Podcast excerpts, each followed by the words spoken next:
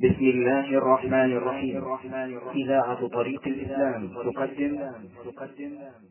هذا أيها الأحبة في الله هو الشريط السادس والأربعون من شرح رياض الصالحين. قال قال رسول الله صلى الله عليه وسلم قال الله عز وجل العز إزاري والكبرياء ردائي فمن ينازعني في واحد منهما فقد عذبته رواه مسلم.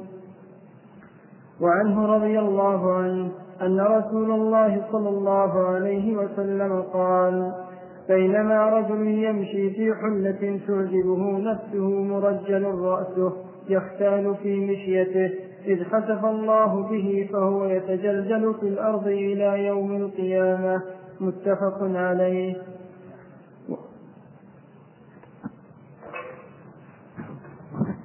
الرحيم من هذه ساقها النووي رحمه الله في كتاب رياض الصالحين في باب تحريم الكبر والاعجاب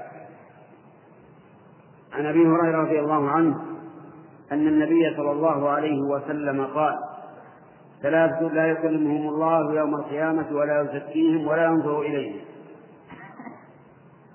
ثلاثة يعني ثلاثة أصناف.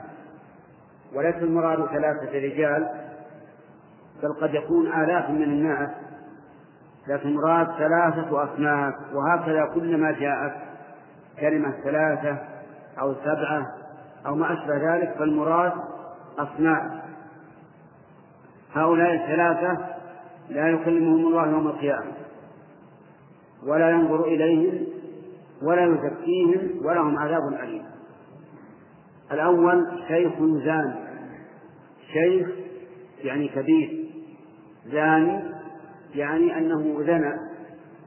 فهذا لا يكلمه الله يوم القيامة ولا ينظر إليه ولا يزكيه وله عذاب أليم. وذلك لأن الشيخ إذا زنى فليس هناك شهوة تجبره على أن يفعل هذا الفعل. الشاب قد يكون عنده شهوة ويعجز أن يملك نفسه. لكن الشيخ قد بردت شهوته وزالت أو نقصت كثيرا فكيف يزني؟ هذا يدل على أنه والعياذ بالله سيء للغاية لأنه فعل الفاحشة من غير سبب قوي يدفعه إليه والزنا كله فاحشة سواء من الشاب أو من الشيخ لكنه من الشيخ أشد وأعظم والعياذ بالله.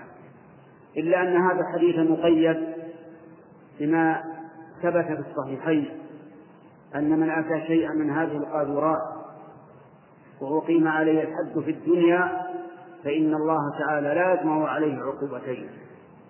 بل يزول عنه ذلك. يكون الحد تطهيرا له. الثاني ملك كذاب. ملك كذاب.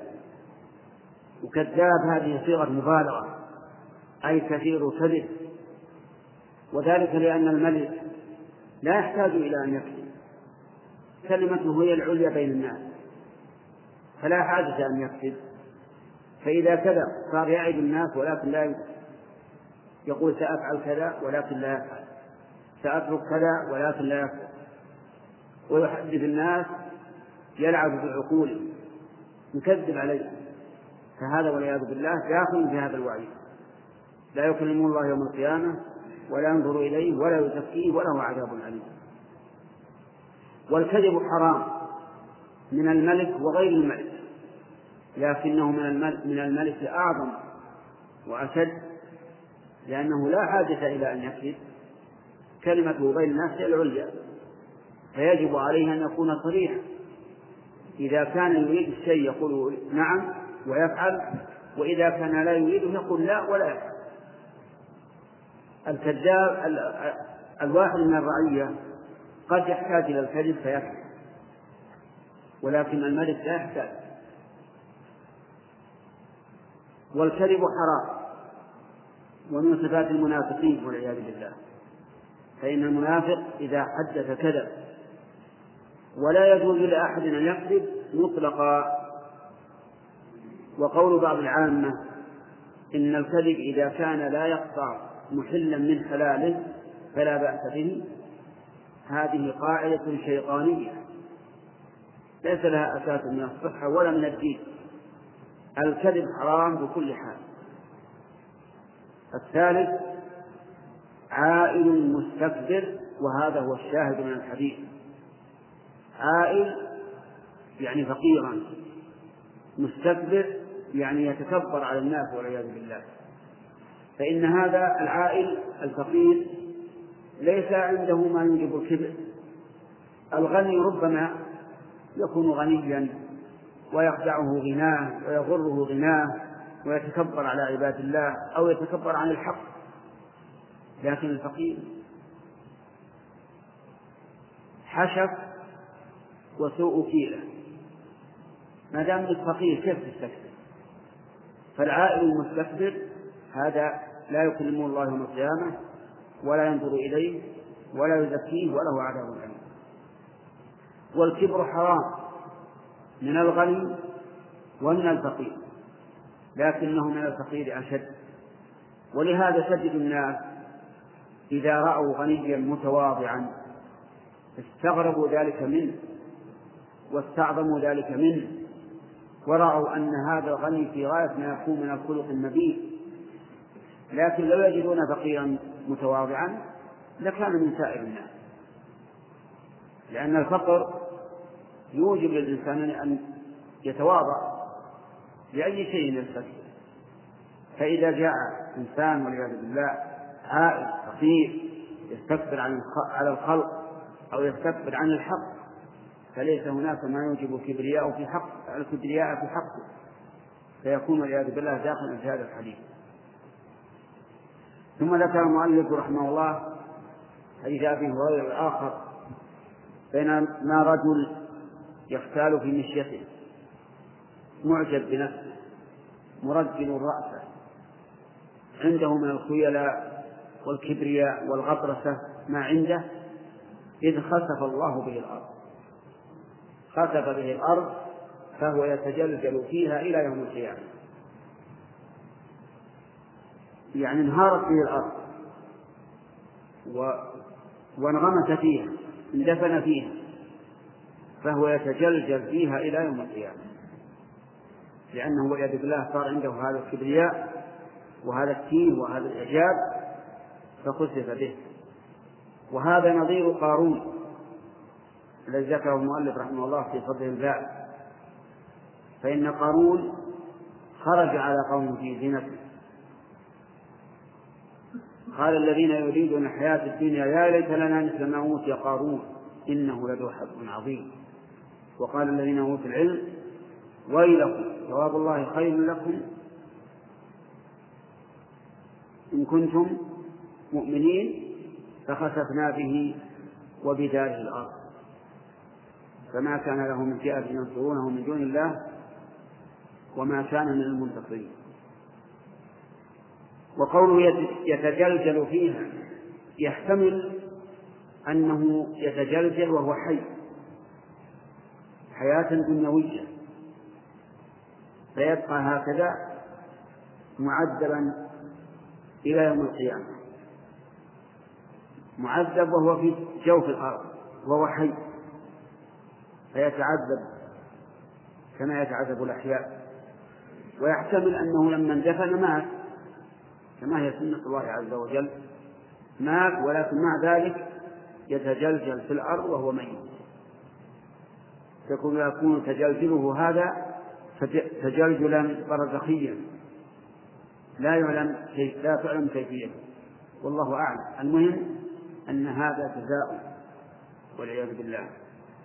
وفي هذا وما قبله وما يأتي بعده دليل على تحريم الكبر وتحريم الإعجاب وأن الإنسان يجب عليه أن يعرف قدر نفسه وينزلها منزلتها.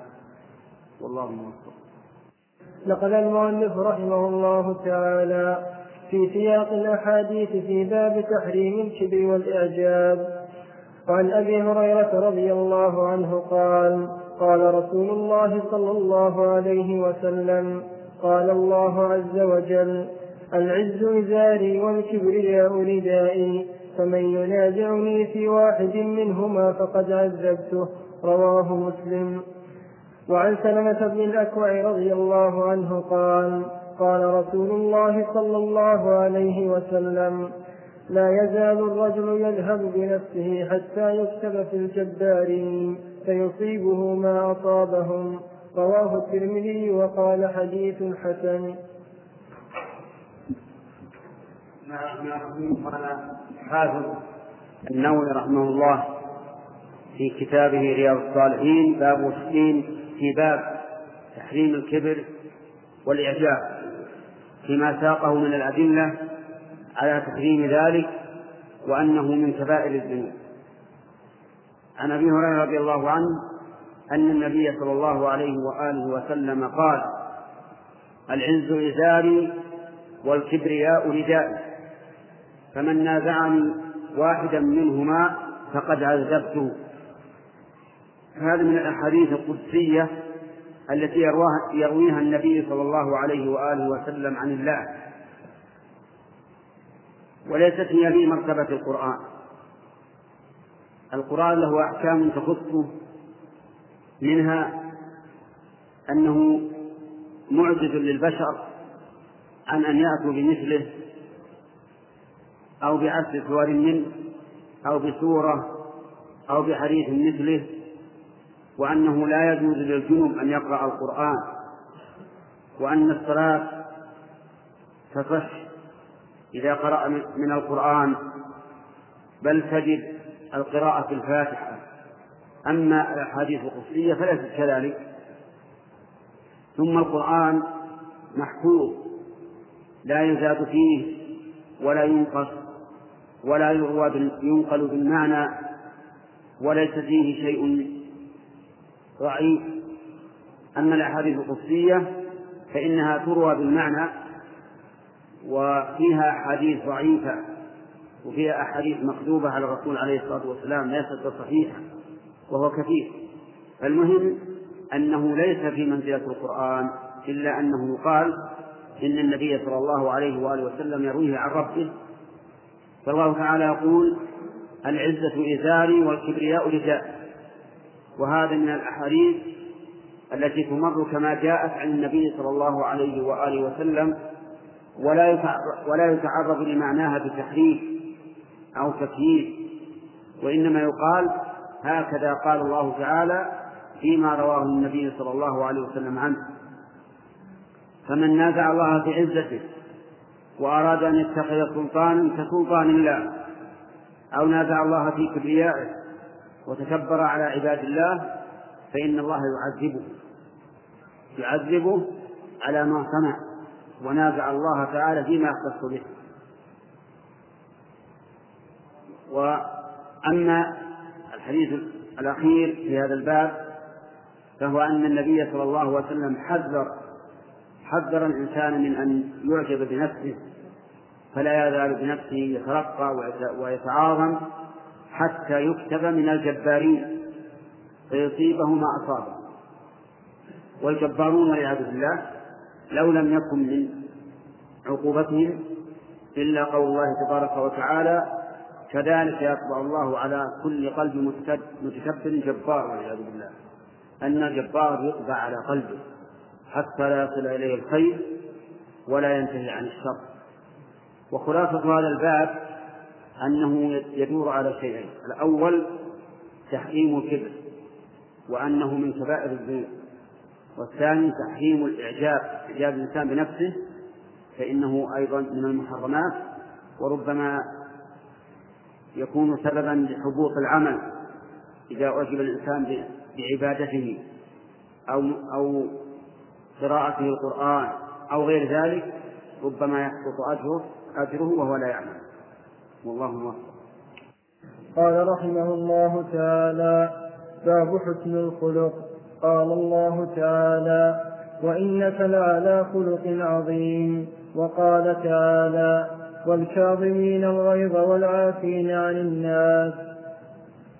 وعن, أنس رضي الله عنه قال كان رسول الله صلى الله عليه وسلم أحسن الناس خلقا. متفق عليه. وعنه رضي الله عنه قال ما مسست ديباجا ولا حريرا ألين من كف رسول الله صلى الله عليه وسلم. ما مسست ديباجا ولا حريرا ألين من كف رسول الله صلى الله عليه وسلم ولا شممت رائحة قط أطيب من رائحة رسول الله صلى الله عليه وسلم. ولقد خدمت رسول الله ولقد خدمت رسول الله صلى الله ولقد خدمت رسول الله صلى الله عليه وسلم عشر سنين فما قال لي قط أف. ولا قال لشيء فعلته لم فعلته ولا لشيء لم أفعله ولا فعلت كذا. متفق عليه. بسم الله الرحمن الرحيم. قال الحافظ النووي رحمه الله في كتابه رياض الصالحين باب حسن الخلق يعني باب الحث عليه وفضيلته وبيان من اتصف به من عباد الله. وحسن الخلق يكون مع الله ويكون مع عباد الله. أما حسن الخلق مع الله فهو الرضا بحكمه شرعا وقدرا وتلقي ذلك بالانشراح وعدم التضجر وعدم الأسى والحزن. فإذا قدر الله عليه شيئا يكرهه رضي بذلك. واستسلم وصبر وقال بلسانه وقلبه رضيت بالله ربا وإذا حكم الله عليه بحكم شرعي رضي واستسلم وانقاد لشريعة الله عز وجل بصدر منشرح ونفس مطمئنة هذا حسن الخلق مع الله عز وجل. أما مع الخلق فيحسن الخلق معهم بما قاله بعض العلماء كف الأذى وبذل الندى وطلاقة الوجه. هذا حسن الخلق. كف الأذى بأن لا يؤذي الناس لا بلسانه ولا بجوارحه. وبذل الندى يعني العطاء. يبذل العطاء من مال وعلم وجاه وغير ذلك. وطلاقة الوجه بأن يلاقي الناس بوجه منطلق ليس بعبوس ولا مصعر مصعر خده يلقاهم بوجه منطلق. هذا هو حسن الخلق. ولا شك أن الذي يفعل هذا يكف الأذى ويبذل الندى ويجعل وجهه منطلقا. لا شك أنه سيصبر على أذى الناس أيضا. فإن الصبر على أذى الناس لا شك أنه من حسن الخلق. فإن من الناس من يؤذي أخاه وربما يعتدي عليه بما يضره في أكل ماله أو جحد حق له أو ما أشبه ذلك فيصبر ويحتسب الأجر من الله سبحانه وتعالى والعاقبة للمتقين. هذا هو حسن الخلق مع مع الناس. ثم صدر المؤلف رحمه الله هذا الكتاب هذا الباب بقوله تعالى مخاطبا نبيه صلى الله عليه وآله وسلم وإنك لعلى خلق عظيم. وهذا معطوف على جواب القسم. نون والقلم وما يسطرون ما أنت بنعمة ربك بمجنون وإن لك لأجرا غير ممنون وإنك لعلى خلق عظيم. إنك يعني يا محمد لعلى خلق عظيم لم يتخلق أحد بمثله في كل شيء. خلق مع الله خلق مع عباد الله في الشجاعة والكرم وحسن المعاملة وفي كل شيء. وكان عليه الصلاة والسلام خلقه القرآن يتأدب بآدابه يمتثل أوامره يجتنب نواهيه.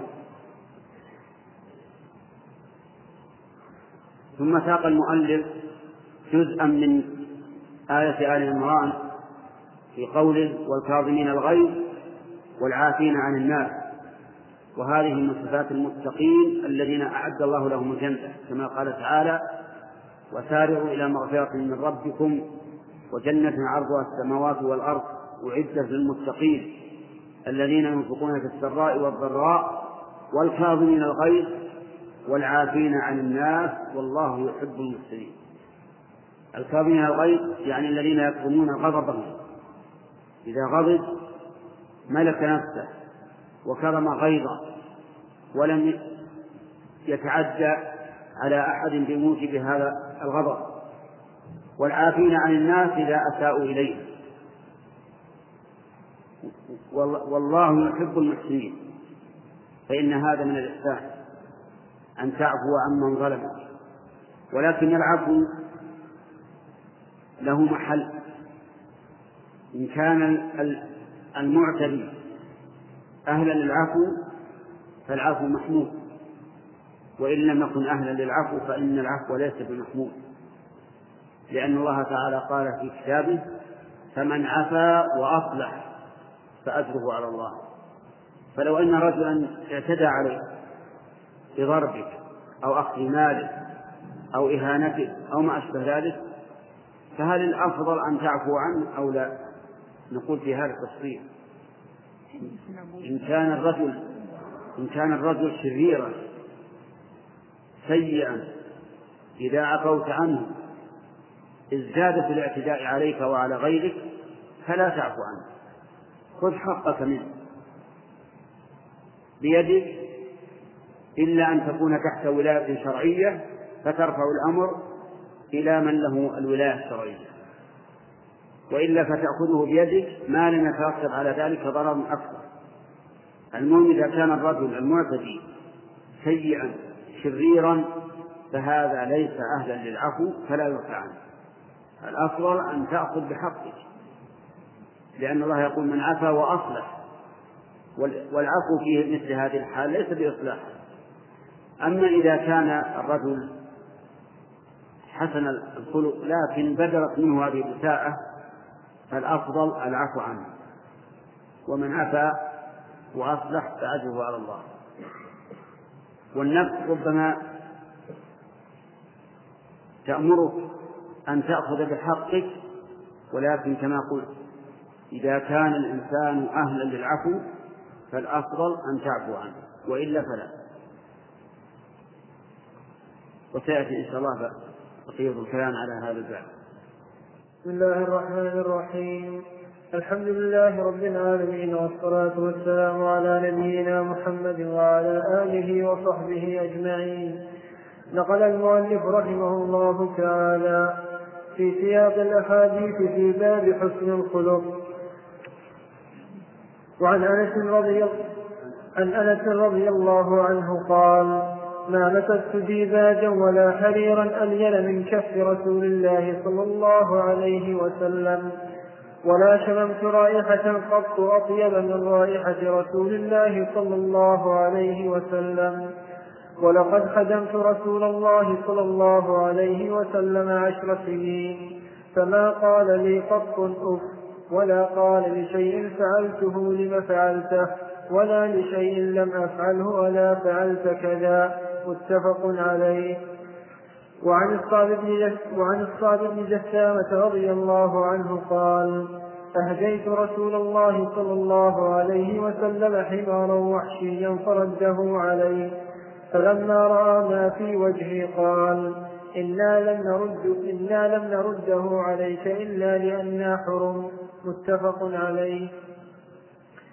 وعن النواس بن سمعان رضي الله عنه قال سألت رسول الله صلى الله عليه وسلم عن البر والإثم فقال البر حسن الخلق والإثم ما حاك في صدرك وكرهت أن يطلع عليه الناس.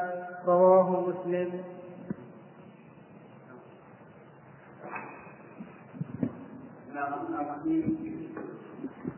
قال المؤلف الحافظ النووي رحمه الله في كتابه رياض الصالحين في باب حسن الخلق ما نقله عن أنس بن مالك رضي الله عنه أن النبي صلى الله عليه وسلم قال ما مسست ما مسست حريرا ولا ديباجا ألين من يد رسول الله صلى الله عليه وآله وسلم.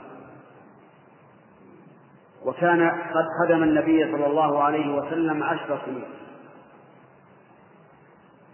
جاءت به أمه حين قدم النبي صلى الله عليه وسلم المدينة فقالت يا رسول الله هذا أنس بن مالك يخدمك فقبل عليه الصلاة والسلام أن يخدمه ودعا له أن يبارك الله له في ماله وولده. فبارك الله له في ماله وولده حتى قيل إنه كان له بستان يثمر في السنة مرتين من بركة الماء الذي دعا به الذي دعا به الذي دعا له رسول الله صلى الله عليه وسلم به. أما أولاده فبلغوا مئة وعشرين ولدا أولاده لكل كل هذا ببركة دعوة النبي صلى الله عليه وسلم. يقول إنه ما مس ذلك ولا حريرا ألين من يد رسول الله صلى الله عليه وسلم. فكانت يده صلى الله عليه وسلم لينة إذا مسها الإنسان فإذا هي لينة وكما ألان الله يده فقد ألان الله سبحانه وتعالى قلبه. قال الله تعالى فبما رحمة من الله لنت لهم. يعني صرت لينا لهم. ولو كنت فظا غليظ القلب لانفضوا من حولك. فاعف عنهم واستغفر لهم وشاورهم في الأمر. فإذا عزمت فتوكل على الله.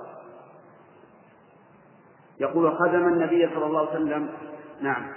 وكذلك أيضا رائحته ما شم طيبا قط أحسن من رائحة النبي صلى الله عليه وسلم. وكان عليه الصلاة والسلام طيب الريح كثير استعمال الطيب. قال حبب إلي من دنياكم النساء والطيب وجعلت قرة عيني في الصلاة. وهو نفسه طيب عليه الصلاة والسلام. حتى كان الناس يتبادرون إلى أخذ عرقه عليه الصلاة والسلام من من حسنه وطيبه ويتبركون بعرقه لأن من خصائص الرسول عليه الصلاة والسلام أن أننا نتبرك بعرقه وبريقه وبثيابه. أما غير الرسول فلا. غير الرسول ما تتبرك لا بعرقه ولا بثيابه ولا بريقه يقول ولقد خدمت النبي صلى الله عليه وسلم عشر سنين. فما قال لي أف قط. يعني ما تبشر منه ابدا. عشر سنوات تخدمه ما تبشر منه. الواحد منا إذا خدمه أحد أو صاحبه أحد لمدة أسبوع أو نحوها لا بد أن يجد منه تبشرا لكن الرسول عليه الصلاة والسلام عشر سنوات وهذا الرجل يخدمه ومع ذلك ما قال له أف قط. ولا قال لشيء فعلت لما فعلت كذا.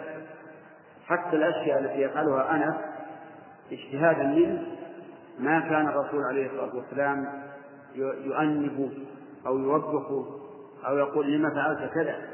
مع أنه خادم. وكذلك ما قال لشيء لم أفعله لم لم تفعل كذا وكذا. فكان عليه الصلاة والسلام يعامله بما أرشده الله سبحانه وتعالى إليه في قوله خذ العفو وأمر بالعرف وأعرض عن الجاهلين. أتدرون ما العفو؟ العفو ما عفى من أخلاق الناس وما تيسر. يعني خذ من الناس ما تيسر. لا تريد أن يكون الناس لك على ما تريد في كل شيء. من أراد أن يكون الناس له في على ما يريد في كل شيء فاته كل شيء. ولكن خذ ما تيسر. عامل الناس بما إن جاءك قبلت وإن فاتك لم ترى ولهذا قال ما قال لشيء لم أفعله لما لم تفعل كذا وكذا. وهذا من حسن خلقه عليه الصلاة والسلام. ومن حسن خلقه صلى الله عليه وسلم أنه كان لا يجاهل الناس في دين الله ولا يفوته أن يطيب قلوبهم. فالصعب بن جثامة رضي الله عنه مر به النبي صلى الله عليه وسلم والنبي صلى الله عليه وسلم محرم. وكان الصعب بن جثامة عداء راميا. عداء يعني سبوقا راميا يعني يجيد الرمي فلما نزل به النبي صلى الله عليه وسلم ضيفا رأى أنه لا أحد أكرم ضيفا منه. فذهب يصيد بالرسول عليه الصلاة والسلام صيدا. فصاد له حمار وحش. وكانت الجزيرة العربية في ذلك الوقت. فيها كثير من الصيد. لكنها قلت صاد له حمار وحش وجاء به إليه. فرده النبي صلى الله عليه وسلم. رده. فصعب ذلك على الصعب. كيف يرد النبي صلى الله عليه وسلم هديته فتغير وجهه. فلما رأى ما في وجهه طيب قلبه وقال إنا لم نرده عليك إلا أنا حرم يعني محرمون. والمحرم لا يأكل من الصيد الذي صيد من أجله. يعني لو أن محرما مر بك وأنت في بلدك وهو محرم فإن وصدت له صيدا أو ذبحت له صيدا عندك فإن فإنه لا لا يحل له أن يأكل منه. وذلك لأنه ممنوع من أكل ما صيد من أجله. أما إذا لم تصده من أجله فالصحيح أنه حلال له. إذا لم تصده لأجله. ولهذا أكل النبي صلى الله عليه وسلم من الصيد الذي صاده أبو قتادة رضي الله عنه. لأنه أي أبا قتادة لم يصده من أجل الرسول عليه الصلاة والسلام. وهذا أحسن ما قيل في هذه المسألة أنه إذا إذا صيد الصيد من أجل المحرم كان حراما عليه. وإن وإن صاده الإنسان لنفسه وأطعم منه المحرم فلا بأس. وقال بعض العلماء إن المحرم لا يأكل من الصيد مطلقا. قيل من أجله أم لم يصد. قالوا لأن حديث الصابر بن جسامة متأخر عن حديث أبي قتادة. فإن حديث أبي قتادة كان في غزوة الحديبية في السنة السادسة وحديث الصابر بن جسامة في حجة الوداع في السنة العاشرة. ويؤخذ بالآخر في الآخر. ولكن القاعدة الأصولية الحديثية تابع هذا القول. لأنه لا يصار إلى النفس إلا إذا تعذر الجمع. فإذا أمكن الجمع فلا نفس. والجمع هنا ممكن. وهو أن يقال إن صيد لأجل المحرم فحرام. وإن صيد وإن صاده الإنسان لنفسه وأطعم منه المحرم فلا بأس. ويؤيد هذا حديث حديث جابر رضي الله عنه جابر بن عبد الله أن النبي صلى الله عليه وسلم قال صيد البر حلال لكم ما لم تصيدوه أو يصد لكم. وهذا تفصيل واضح. ما لم تصيدوه أو يصد لكم. الحاصل أن هذا حديث حديث صعب بن جثام رضي الله عنه فيه فائدتان عظيمتان. الأولى أن النبي صلى الله عليه وسلم لا يداهن أحدا في دين الله وإلا لكان قبل الهدية من الصعب وسكت إرضاء له ومداهنة له لكنه عليه الصلاة والسلام لا يمكن أن يفعل هذا.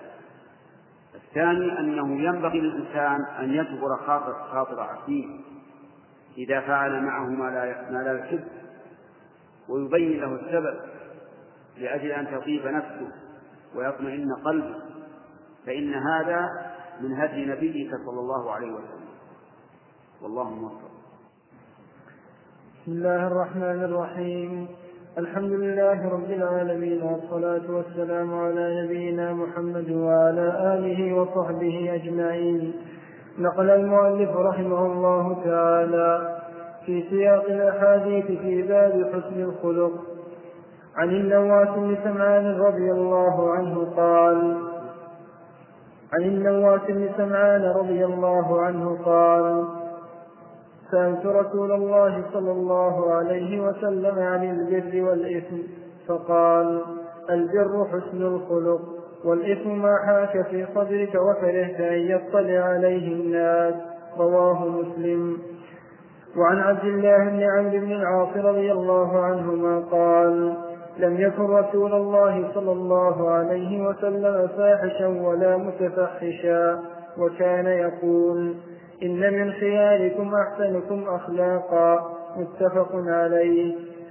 وعن أبي الدرداء رضي الله عنه أن النبي صلى الله عليه وسلم قال ما من شيء أثقل في ميزان العبد المؤمن يوم القيامة من حسن الخلق.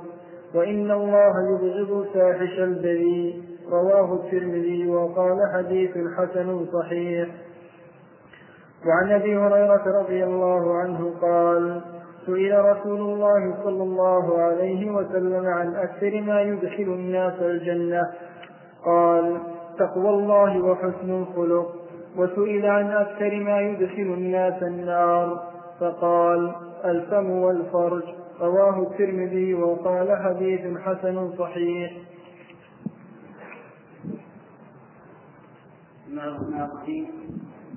هذه الأحاديث ذكرها النووي رحمه الله في باب حسن الخلق من كتاب رياض الصالحين. وقد سبق شيء من هذا. أما أما أحاديث هذه هذا اليوم أما حديث هذا اليوم فهو عن النواس بن سمعان رضي الله عنه أن النبي صلى الله عليه وسلم قال البر حسن الخلق. وقد تقدم شرح هذه الجملة وبينا أن حسن الخلق يحصل فيه الخير الكثير لأن البر هو الخير الكثير. وأما الإثم فقال هو ما حاك في نفسك وكرهت أن يطلع عليه الناس. يعني في النفس يعني لم تطمئن إليه النفس. بل ترددت فيه. وكرهت أن يطلع عليه الناس.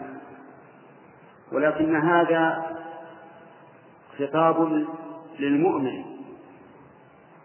أما أما الفاسق فإن الإثم لا يحيك في صدره. ولا يهمه أن يطلع عليه الناس. بل يجاهر به ولا يبالي. لكن المؤمن لكون الله سبحانه وتعالى قد أعطاه نورا في قلبه إذا هم بالإثم حاس في صدره وتردد فيه وكره أن يطلع عليه الناس.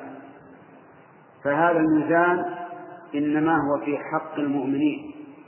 أما الفاسقون فإنهم لا يهمهم أن يطلع الناس على آثامهم ولا ولا تصيب الآثام في صدورهم.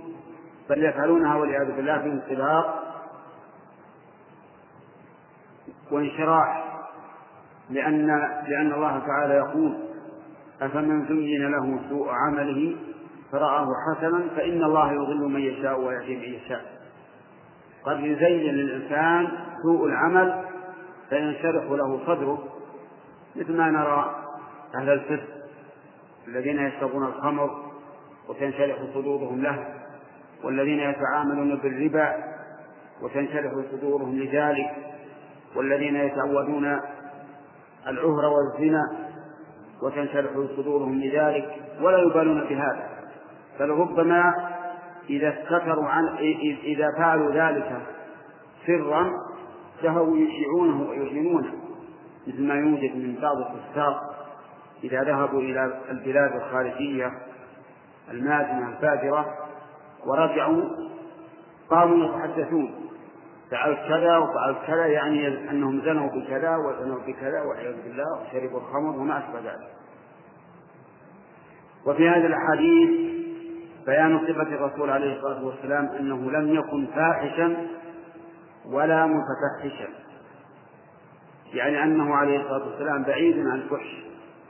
لا طبع لا طبعا ولا كسبا فلم يكن فاحشا في نفسه وفي غريزته بل هو لين سهل. ولم يكن متفحشا أي متطبعا بالفحشاء بل كان عليه الصلاة والسلام أبعد أبعد الناس عن الفحش. في مقاله وفي فعاله صلوات الله وسلامه عليه. وفيها أيضا الحث على حسن الخلق وأنه من أثقل ما يكون في الميزان يوم القيامة. وهذا من باب الترغيب فيه. فعليك يا أخي المسلم أن تحسن خلقك مع الله عز وجل في تلقي أحكامه الكونية والشرعية بصدر منشرح منقاد راض مستسلم وكذلك مع عباد الله. فإن الله تعالى يحب المسلمين. والله موفق. بسم الله الرحمن الرحيم. الحمد لله رب العالمين والصلاة والسلام على نبينا محمد وعلى آله وصحبه أجمعين. نقل المؤلف رحمه الله تعالى في سياق الأحاديث في باب حسن الخلق. عن أبي هريرة رضي الله عنه عن أبي هريرة رضي الله عنه قال سئل رسول الله صلى الله عليه وسلم عن أكثر ما يدخل الناس الجنة؟ قال تقوى الله وحسن الخلق. وسئل عن أكثر ما يدخل الناس النار. فقال الفم والفرج. رواه الترمذي وقال حديث حسن صحيح. وعنه رضي الله عنه قال قال رسول الله صلى الله عليه وسلم أكمل المؤمنين إيمانا أحسنهم خلقا وخياركم خياركم لنسائهم. رواه الترمذي وقال حديث حسن صحيح. وعن عائشة رضي الله عنها قالت سمعت رسول الله صلى الله عليه وسلم يقول إن المؤمن ليدرك إن المؤمن ليدرك بحسن خلقه درجة الصائم القائم رواه أبو داود. وعن أبي أمامة الباهلي رضي الله عنه قال قال رسول الله صلى الله عليه وسلم أنا زعيم ببيت في ربض أنا زعيم ببيت في ربض الجنة لمن, لمن ترك المراء وإن كان محقا. وببيت في وسط الجنة لمن ترك الكذب وإن كان مازحا وببيت في أعلى الجنة لمن حسن خلقه. حديث صحيح رواه أبو داود بإسناد صحيح. في في بيان فضل الحسن والخلق ذكرها النووي رحمه الله في رياض الصالحين. في باب الحسن والخلق منها عن أبي هريرة رضي الله عنه أن النبي صلى الله عليه وسلم سئل ما أكثر ما يدخل الجنة؟ يعني ما هو الشيء الذي يكون سببا لدخول الجنة كثيرا؟ فقال تقوى الله وحسن الخلق. تقوى الله تعالى كلمة جامعة لفعل ما ما أمر به وترك ما نهى عنه. هذه هي التقوى. أن تفعل ما أمرك الله به وأن تدع ما نهاك عنه. لأن التقوى مأخوذة من الوقاية وهي أن يتخذ الإنسان ما يقيه من عذاب الله. ولا شيء يقي من عذاب الله إلا فعل الأوامر واجتناب النواهي. وأكثر ما يدخل الناس النار الفم والفرد الفم يعني بذلك قول اللسان. فإن الإنسان قد يقول قد يقول كلمة لا يلقي بها لا يلقي لها بالا يهوي بها في النار سبعين خريفا والعياذ بالله. سبعين سنة. ولهذا قال النبي صلى الله عليه وسلم لمعاذ بن جبل أفلا أخبرك بملاك ذلك كله؟ قلت بلى يا رسول الله. فأخذ بلسان نفسه وقال كف عليك هذا. قلت يا رسول الله وإنا لمؤاخذون بما نتكلم به. يعني هل نؤاخذ بالكلام؟ قال ثقلتك أمك يا معاذ وهل يكب الناس في النار على وجوههم؟ أو قال على مناخرهم إلا حصائد ألسنتهم. ولما كان عمل اللسان سهلا صار إطلاقه سهلا. لأن الكلام لا يتعب به الإنسان. ليس كعمل اليد وعمل الرجل وعمل العين يتعب به الإنسان لا. ولا يتعب عمل اللسان فتجد الإنسان يتكلم كثيرا في أشياء تضره كالغيبة والنميمة واللعن والسب الشتم وهو لا يشعر بذلك فيكتسب بهذا آثاما كثيرة. أما الفرد فالمراد به الزنا وأخبث منه اللواط فإن ذلك أيضا تدعو النفس إليه كثيرا ولا سيما من الشباب. فيهوي الإنسان في الشيء وتدربه نفسه حتى يقع في الفاحشة وهو لا يعلم. ولهذا سد النبي صلى الله عليه وآله وسلم كل باب يكون سببا لهذه الفاحشة. فمنع من خلو الرجل بالمرأة ومنع المرأة من كشف وجهها أمام الرجال الأجانب ونهى المرأة أن تخضع بالقول فيطمع الذي في قلبه مرض. إلى غير ذلك من السياج المنيع الذي جعله النبي صلى الله عليه وسلم حائلا دون فعل هذه الفاحشة لأن هذه الفاحشة تدعو إليها النفس. فهذا أكثر ما يدخل الناس النار. أعمال القلب أعمال اللسان وأعمال الفرد نسأل الله حماية ثم ذكر أيضا من فضائل حسن الخلق أن أحسن الناس أخلاقا هم أكمل الناس إيمانا. قال النبي صلى الله عليه وسلم أكمل الناس إيمانا أحسنهم خلقا. وفي هذا دليل على أن الإيمان يتفاوت وأن الناس يختلفون فيه فبعضهم في الإيمان أكمل من بعض بناء على الأعمال. وكلما كان الإنسان أحسن خلقا كان أكمل إيمانا وهذا حث واضح على أن الإنسان ينبغي له أن يكون حسن الخلق بقدر ما يستطيع. والله موفق. بسم الله الرحمن الرحيم. الحمد لله رب العالمين والصلاة والسلام على نبينا محمد وعلى آله وصحبه أجمعين.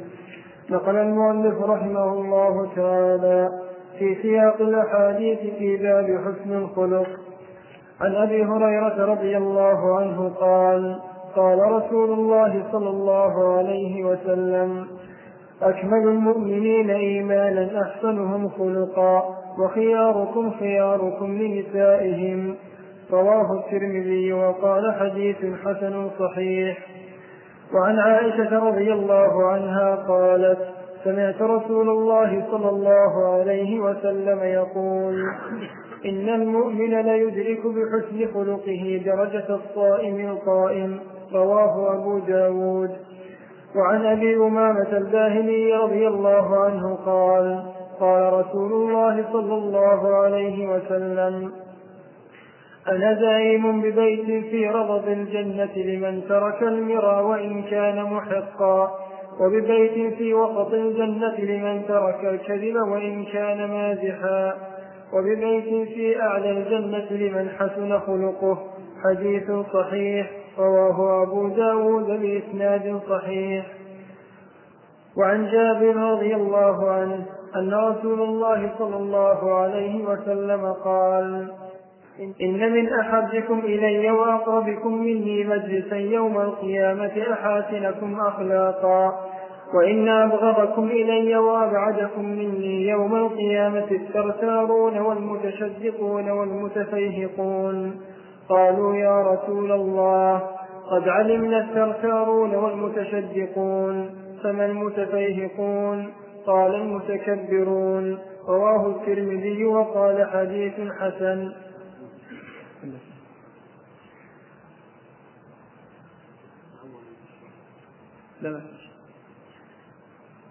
قوله الثرثارون هو كثير الكلام تكلفا. والمتشدق هو المتطاول على الناس بكلامه ويتكلم بملء فيه تفاصحا وتعظيما لكلامه.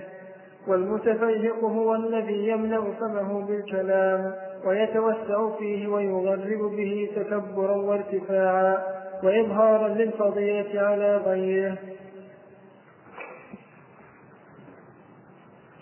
بسم الله الرحمن الرحيم. هذه الأحاديث جمع المؤلف النووي رحمه الله في باب حسن الخلق من كتاب رياض الصالحين وسبق الكلام على أكثرها ومنها قوله صلى الله عليه وآله وسلم أكرم المؤمنين إيمانا أحسنهم خلقا. قال وخيركم خيركم لنسائهم.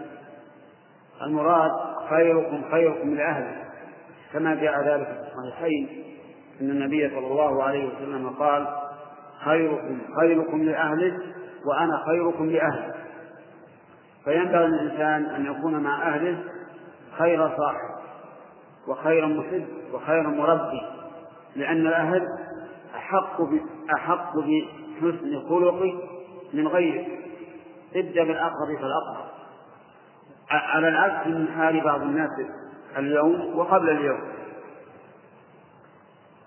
تجد مع الناس حسن الخلق لكن مع أهله سيء الخلق والعياذ بالله. وهذا خلاف خلاف هدي النبي صلى الله عليه وآله وسلم. كن مع أهلك حسن الخلق ومع غيرهم أيضا لكن هم أولى بحسن الخلق من غيرهم. ولهذا لما سئلت عائشة ماذا كان النبي صلى الله عليه وسلم يصنع في بيته؟ قالت كان في مهنة أهله. يساعدهم على مهمات البيت حتى إنه كان يحسب الشاة عليه الصلاة والسلام لأهله ويخطف نعله ويرقع ثوبه. وهكذا ينبغي للإنسان مع أهله أن يكون من خير الأصحاب. ثم ذكر أحاديث متعددة في بيان حسن الخلق وأن من أقرب الناس إلى رسول الله صلى الله عليه وسلم أحاسنهم أخلاقا. فكلما كنت أحسن خلقا كنت أقرب إلى الله ورسوله من غيرك وأبعد الناس منزلة من رسول الله صلى الله عليه وسلم السرقاؤون والمتشدقون والمتفيهقون السرقاؤون الذين يكثرون الكلام ويأخذون المجالس عن الناس. فإذا جلس في المجلس أخذ الكلام عن غيره. وصار كأن لم يكن في المجلس إلا هو يتكلم ولا يدع غيره أن يتكلم. وهذا لا شك أنه نوع من الكبرياء. لكن لو فرضنا أن أهل المسجد فوضوه وقالوا أعطنا نصيحة أعطنا موعظة فتكلمت فلا حرج. إنما الكلام العادي كونك تملك المجلس ولا تدع أحد يتكلم حتى أن بعض الناس يحب أن يتكلم لكن لا يستطيع أن يتكلم. يخشى من مقاطعة هذا الرجل الذي ملك المجلس بكلامه كذلك أيضا المتشدقون الذي يملأ الذي يتكلم بملء الشقين تجده يتكلم وكأنه أفصح العرب. تكبرا وتبخترا ومن ذلك من يتكلم باللغة العربية أمام العامة فإن العامة لا يعرفون اللغة العربية. لو تكلمت بينهم باللغة العربية لعدوا ذلك من من باب التشدق في الكلام والتنكر أما نعم إذا كنت تدرس الطلبة فينبغي أن تتكلم باللغة العربية لأجل أن تمرنهم على اللغة العربية وعلى النطق بها. أما العامة الذين لا يعرفون فلا ينبغي أن تتكلم بينهم باللغة العربية. تتكلم معهم بلغتهم التي يعرفون. ولا أيضا ولا تغرق بالكلمات يعني لا تأتي بكلمات غريبة تشكل عليهم. فإن ذلك من التشبع في الكلام. أما المتفيقون فقد سبق النبي عليه الصلاة والسلام بالمتكبرين. المتكبر الذي يتكبر الناس ويتفيهق يعني قام يمشي ولا كأنه يمشي على ورق. من تكبره وغطرسته فإن هذا لا خلق جميل ويجب على الإنسان أن يحذر منه لأن لأن الإنسان بشر فينبغي أن نعرف قدر نفسه. حتى لو أنعم الله عليه بمال أو أنعم الله عليه بعلم أو أنعم الله عليه بجاه ينبغي أن يتواضع. وتواضع هؤلاء الذين أنعم الله عليهم بالمال والعلم والجاه أفضل من تواضع غيرهم ممن لم يكونوا كذلك. ولهذا جاء في الحديث من الذين لا يكلمهم الله ولا ينظر إليهم ولا يزكيهم عائل مستكبر لأن العائل لا داعي للاستكبار العائل الفقير. هؤلاء الذين من الله عليهم بالعلم والمال والجاه كلما تواضعوا صاروا أفضل من تواضع غيرهم الذين لم يمن الله عليهم بذلك. فينبغي لكل من أعطاه الله نعمة أن يزداد شكرا لله وتواضعا للحق وتواضعا للخلق. وفقنا الله وإياكم لأحسن الأخلاق والأعمال. وجنبنا وإياكم سيئات الأخلاق والأعمال. إنه جواد كريم. نعم.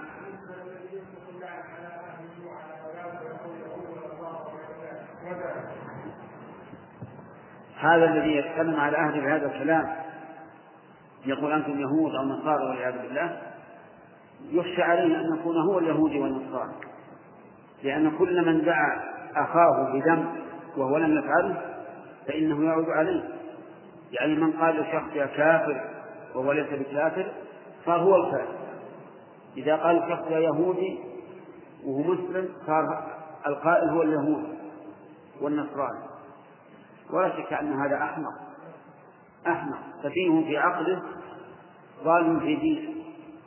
فالأهل ينبغي أن يكونوا هم أحق الناس بتربيته ورعايته إذا عودتهم على هذا الفعل أو على هذا الخلق الجميل صاروا على على ما ما كنت عليه. ويبوغ باسمهم حيا وميتا والعياذ بالله.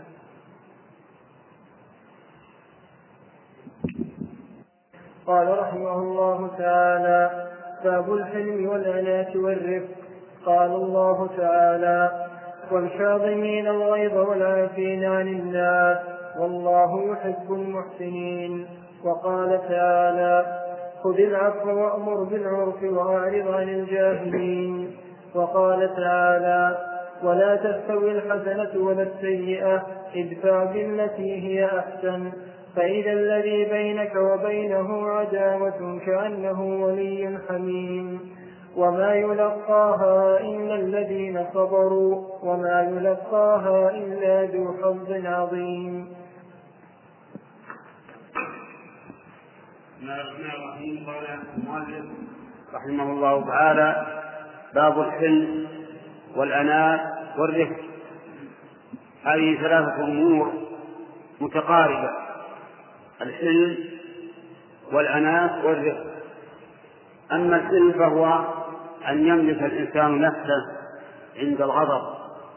إذا حصل غضب فإنه وهو قادر فإنه يحلم ولا يعاقب ولا يعاجل بالعقوبة.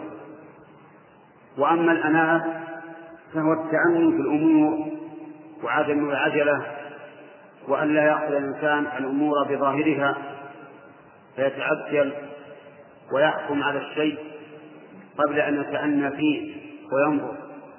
وأما الرفق فهو معاملة الناس بالرفق والهون حتى وإن استحقوا ما يستحقون من العقوبة والنكال فإنه يرفق بهم. ولكن هذا فيما إذا كان الإنسان المرفق الم...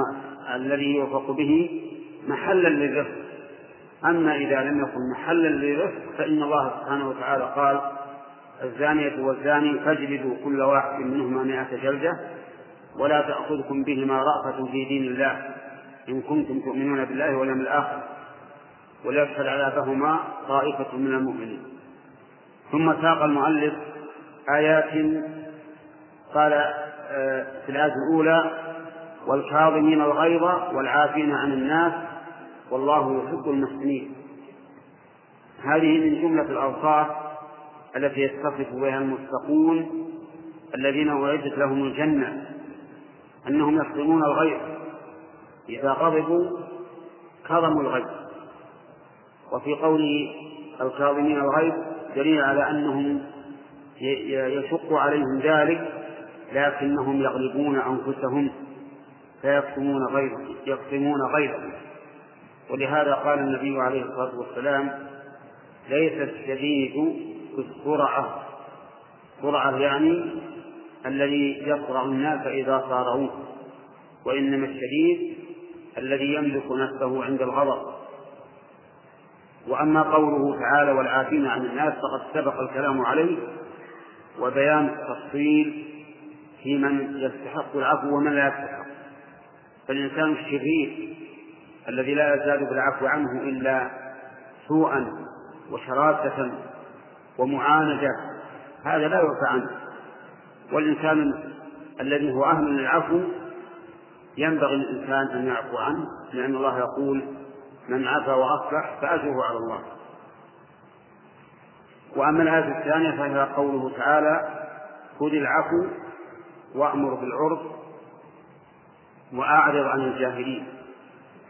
قال خذ العفو. ولم يقل أعفو ولا افعل العفو. قال خذ العفو والمراد بالعفو هنا ما عفا وسهل من الناس. لأن الناس يعامل بعضهم بعضا. فمن أراد من الناس أن يعاملوه على الوجه الذي يحب على الوجه الأكمل فهذا شيء يصعب عليه ويشق عليه ويتعب وراء الناس. وأما من استرشد بهذه الآية وأخذ ما عفى من الناس وما سهل فما جاء منهم قبله وما أضاعوه من حقه تركه إلا إذا انتهكت محارم الله فإن هذا هو الذي أرشد الله إليه. نأخذ العفو. خذ ما تيسر من أخلاق الناس ومعاملتهم لك والباقي أنت صاحب الفضل فيه إذا تركت. وأمر بالعرف يعني أؤمر بما يتعارفه الناس ويعرفه الشرع من أمور الخير. ولا تسكت عن الأمر بالخير إذا كان الناس أخلوا به. فيما بينك وبينهم حقك تفعل ما تشاء لكن الشيء المعروف ينبغي أن تأمر به وأعرض عن الجاهلين. المراد بالجاهل هنا ليس هو الذي لا يعلم الحكم بل الجاهل السفيه في التصرف. كما قال الله تعالى وليست التوبة الذين إنما التوبة على الله للذين يعملون السوء بجهالة أي بسفاهة ثم يتوبون من قريب. فأولئك أتوب الله عليهم. فالجاهلون هما هنا هم السفهاء الذين يجهلون حقوق الغير ويفرطون فيها أعرض عنهم ولا تبال بهم. وأنت إذا أعرضت عنهم ولم تبال بهم فإنهم سوف يملون ويتعبون ثم بعد ذلك يرجعون إلى صوابهم. لكن إذا عاندتهم أو خاصمتهم أو أردت منهم أن يعطوك حقك كاملا فإنهم ربما بسفههم يعاندون ولا يأتون بالذي تريد. فهذه ثلاثة أوامر من الله عز وجل فيها الخير لو أننا سرنا عليها. خذ العفو وأمر بالعرف وأعرض عن الجاهلين ويأتي إن شاء الله بقية الكلام عن الآيات. الحمد لله رب العالمين والصلاة والسلام على نبينا محمد وعلى آله وصحبه أجمعين. قال رحمه الله تعالى في سياق في سياق الآيات في باب الحلم والأناة والرفق قال الله تعالى ولمن صبر وغفر إن ذلك لمن عزم الأمور وأما الأحاديث عن ابن عباس رضي الله عنهما قال قال رسول الله صلى الله عليه وسلم لأشج عبد القيس إن فيك خصلتين يحبهما الله الحلم والأناة رواه مسلم. وعن عائشة رضي الله عنها قالت قال رسول الله صلى الله عليه وسلم إن الله رفيق يحب الرفق في الأمر كله متفق عليه. وعنها رضي الله عنها أن النبي أن النبي صلى الله عليه وسلم قال إن الله رفيق يحب الرفق ويعطي على الرفق ما لا يعطي على العنف وما لا يعطي على ما أولا وما لا يعطي على ما سواه رواه مسلم. وعنها رضي الله عنها أن النبي صلى الله عليه وسلم قال إن الرفق لا يكون في شيء إلا زانه ولا ينزع من شيء إلا شانه. رواه مسلم.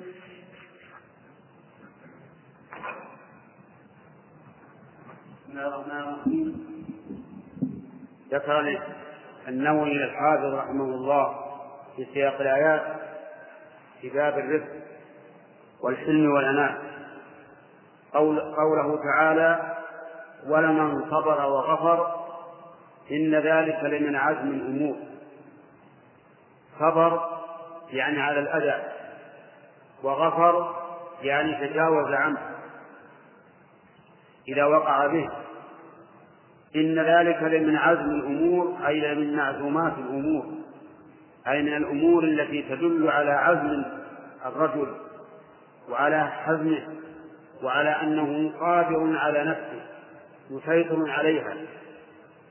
وذلك لأن الناس ينقسمون إلى أقسام بالنسبة لسيطرتهم على أنفسهم. فمن الناس من لا يستطيع أن يسيطر على نفسه أبدا. ومن الناس من يستطيع لكن بمشقة شديدة. ومن الناس من يستطيع لكن بسهولة يكون قد جبله الله عز وجل على مكارم الأخلاق. فيسهل عليه الصبر والغفران. فالذي يصبر على أذى الناس ويتحمل ويحتسب الأجر من الله ويغفر لهم. هذا هو الذي صنع هذه المعزومة من الأمور أي من الشرور.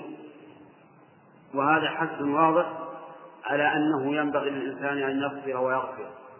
وقد سبق لنا التفصيل في مسألة العفو عن الجناة والمعتدين وأنه لا يمدح مطلقا ولا يذم مطلقا بل ينظر إلى الإصلاح. ثم ذكر المؤلف ما ذكر ما قاله النبي عليه الصلاة والسلام لأشد عبد القيس. قال له إن فيك لخلقين لخصلتين يحبهما الله الحلم والأناة الحلم عندما يثار الإنسان ويجنى عليه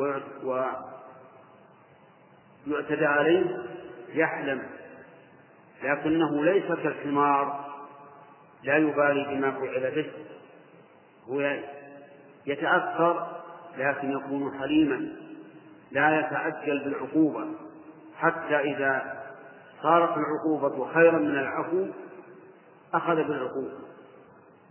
والأناة التأني في الأمور وعدم التسرع وما أكثر ما يهلك الإنسان ويذل بسبب التعسل في الأمور سواء في نقل الأخبار أو في الحكم على على ما سمع أو في غير ذلك.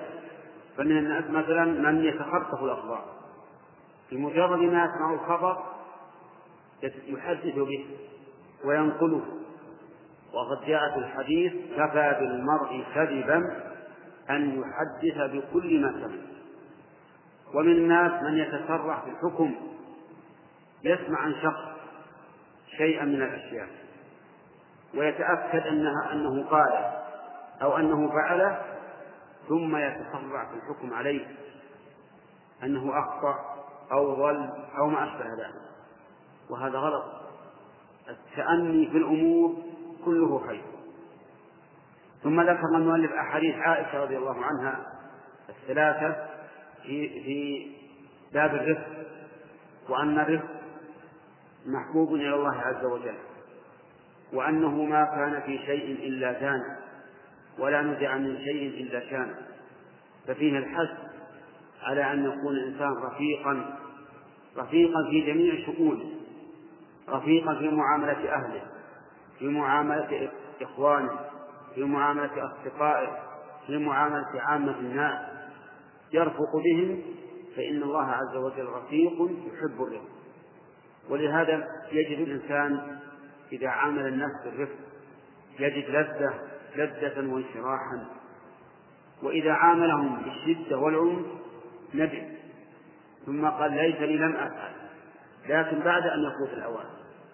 أما إذا عاملهم بالرفق واللين والأناء انشرح صدره ولم ولم يندم على شيء فعله.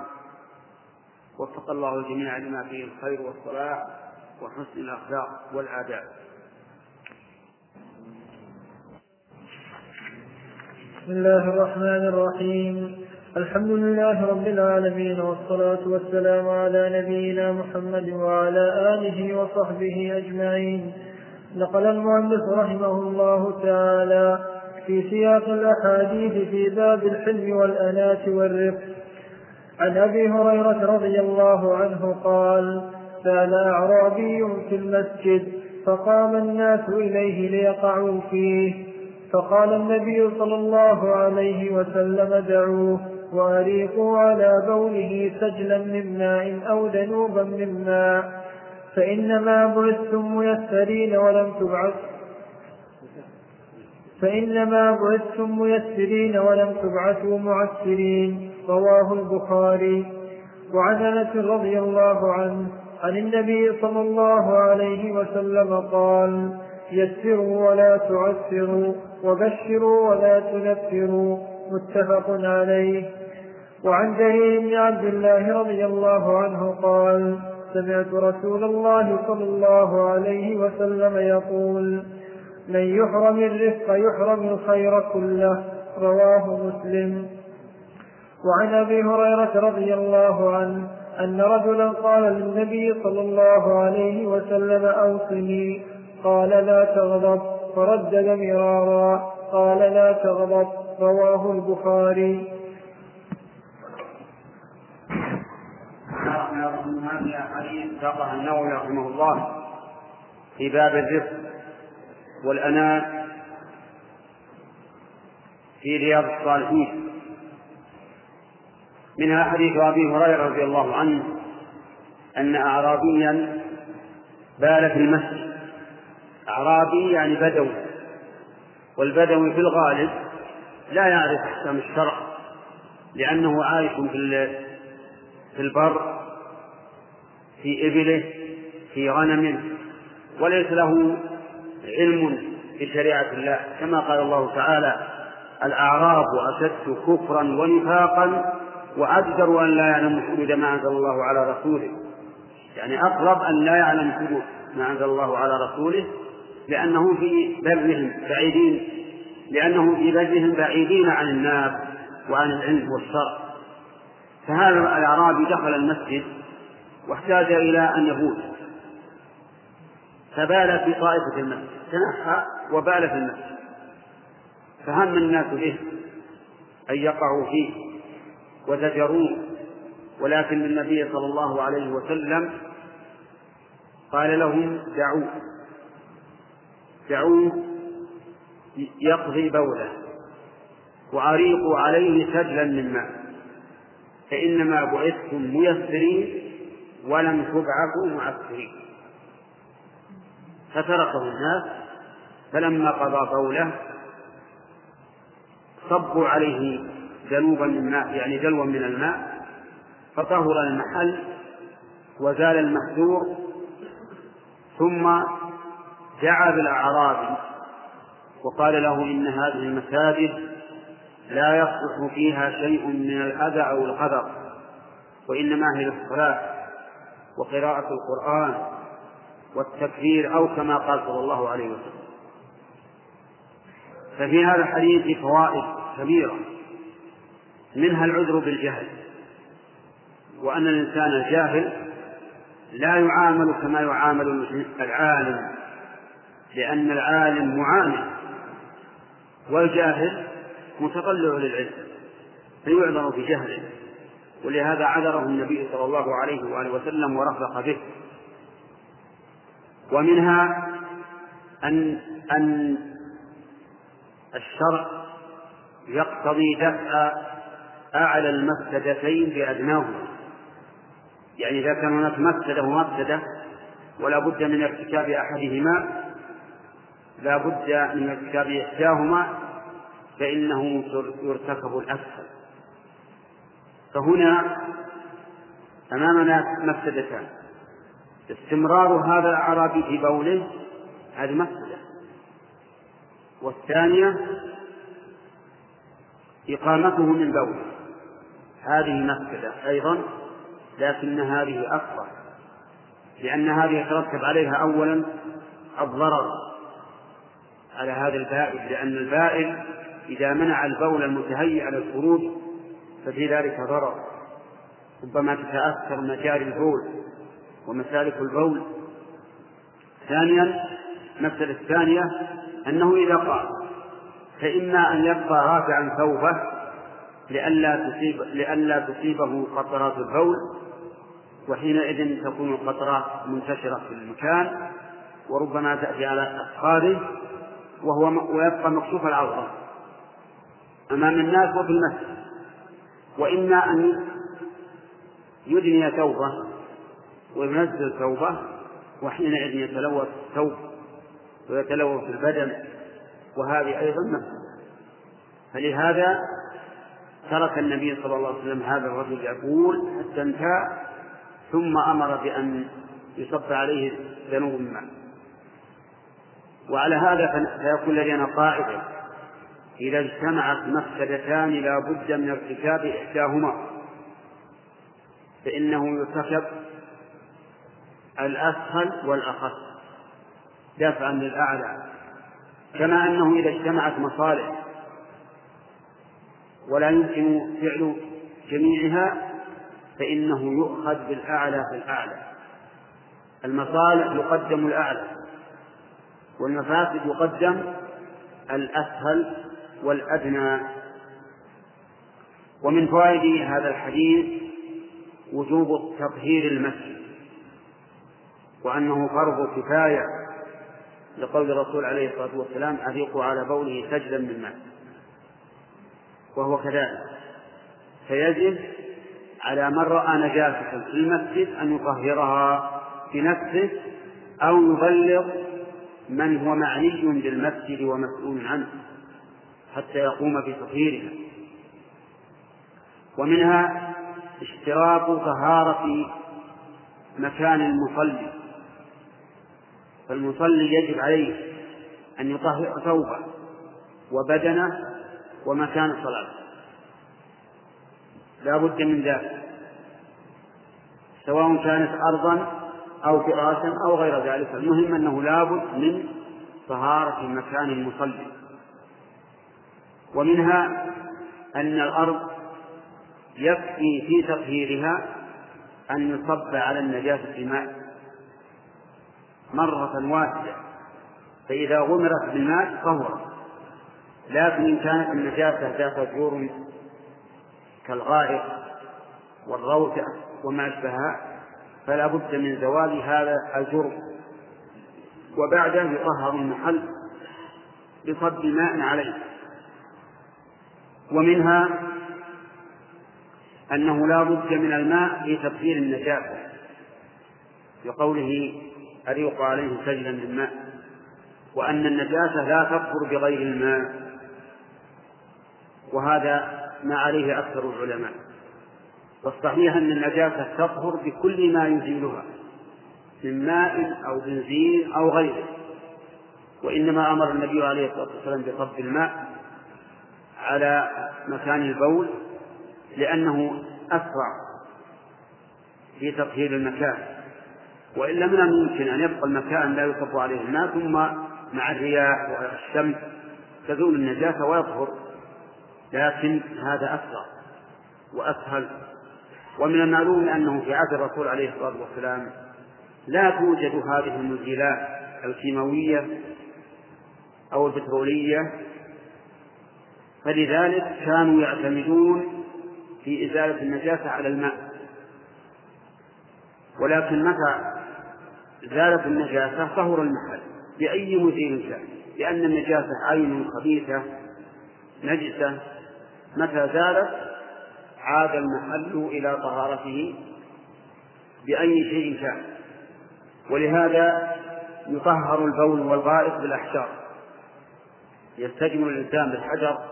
ثلاث مرات مع الإنقاء ويكفي وثوب المرأة التي تجره إذا مر بالنجاسة ثم مر بعد ذلك في أرض طاهرة طهرته وكان من عادة النساء في عهد الرسول عليه الصلاة والسلام أن المرأة إذا خرجت اتخذت ثوبا ضاكيا يستر قدميها وينجر من ورائها إلى شبر أو شبرين أو ذراع ولكن لا يزاد على ذراع هذا في عهد الرسول عليه الصلاة والسلام. عهد النساء الطاهرات في الزمن الطاهر. فما بالك باليوم؟ لكن مع الأسف أن المسلمين اليوم لم يكونوا ينظرون إلى من سلف من هذه الأمة ولكنهم ينظرون إلى من تأخر من هذه الأمة. إلى الخلف. الذين قال الله فيهم فخلف من بعدهم خلف أضاعوا الصلاة واتبعوا الشهوات فسوف يلقون غيا. صرنا ننظر الآن إلى إلى من خلف. بل ننظر إلى غير ذلك. ننظر إلى أعدائنا. إلى اليهود والنصارى والمجوس والوثنيين وما أشبه ذلك. فنقتدي بهم في مثل هذه الألبسة. فترى النساء الآن كلما جاءت مجلة التي يسمونها بردة. كلما جاءت ذهبنا ينظرن إليها. ما الذي حدث؟ ثم تذهب المرأة وتفعل مثل ما فعلت وأقول من هذا المكان يجب على أولياء الأمور أن يمنعوا من تداول هذه المجلات وهذه البردات بين أيدي النساء.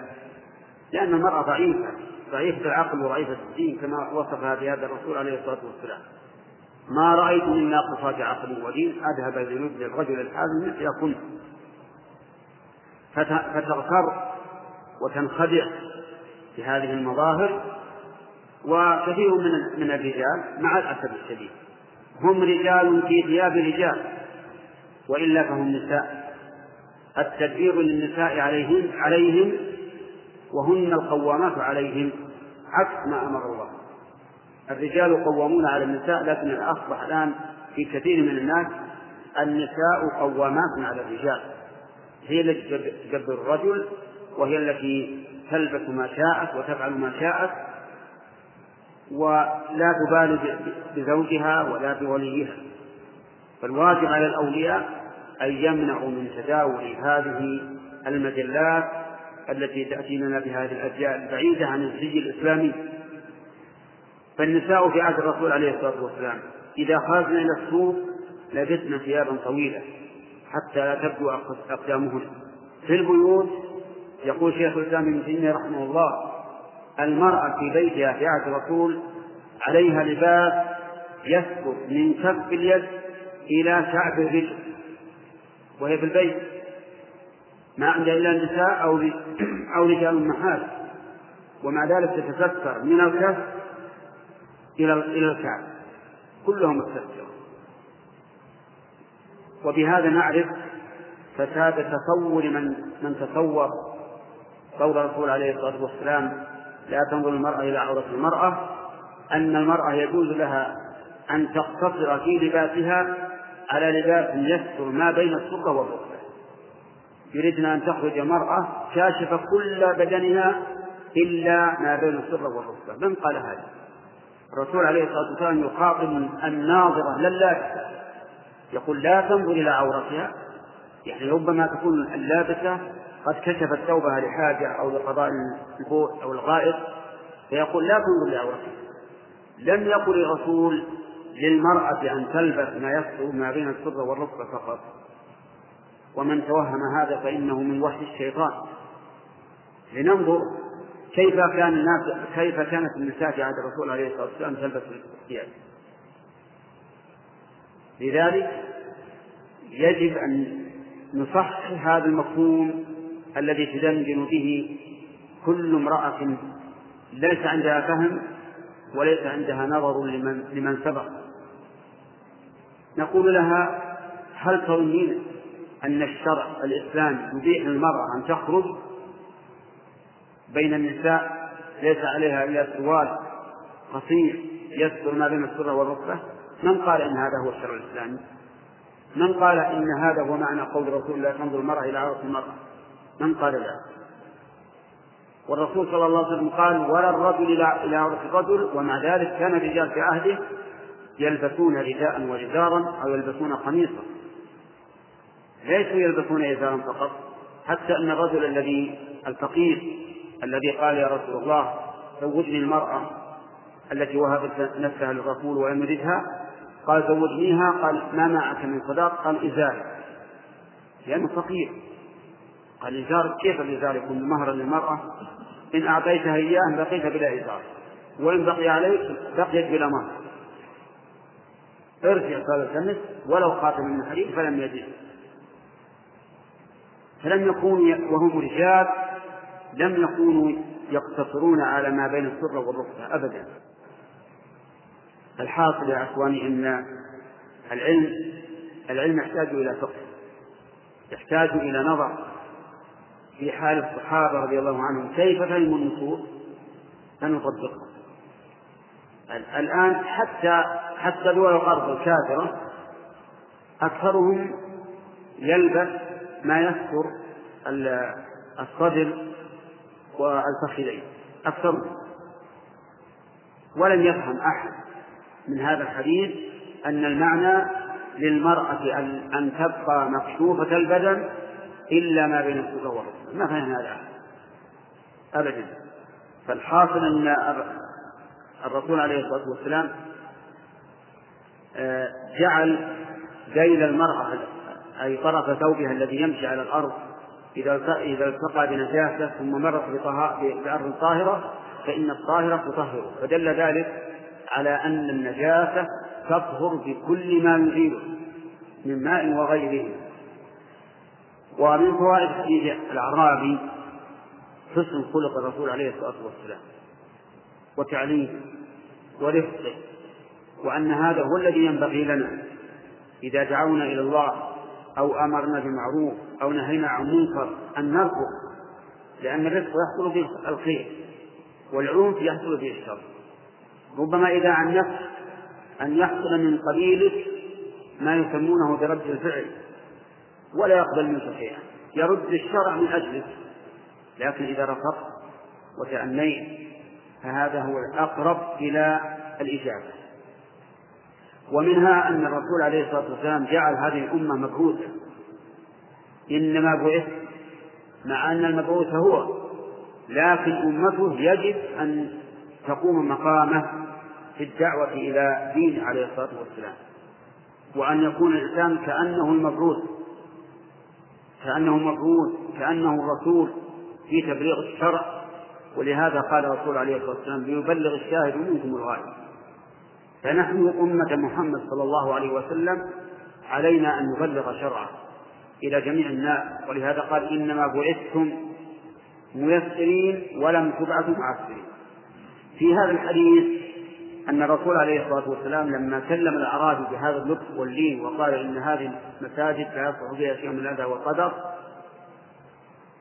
أن الأعرابي قال له اللهم ارحمني ومحمدا ولا ترحم معنا أحد.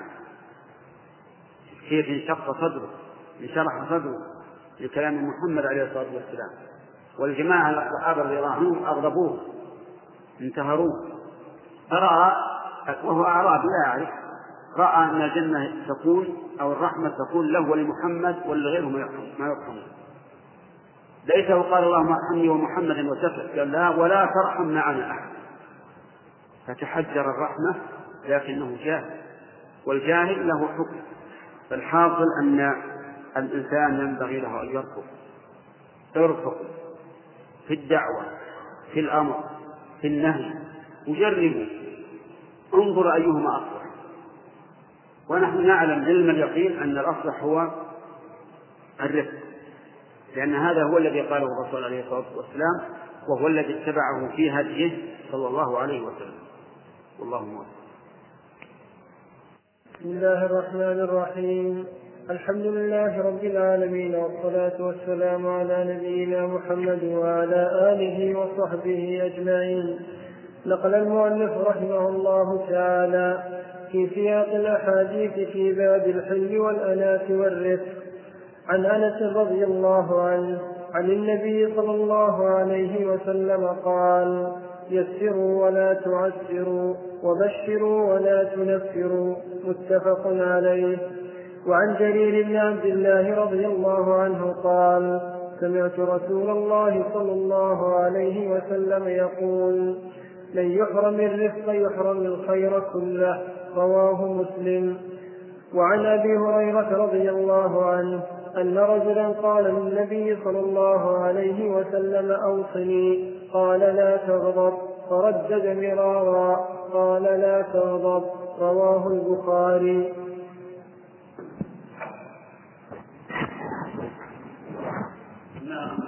هذه الأحاديث ذكرها النووي رحمه الله في باب الرزق والحلم والاناء في رياض الصالحين.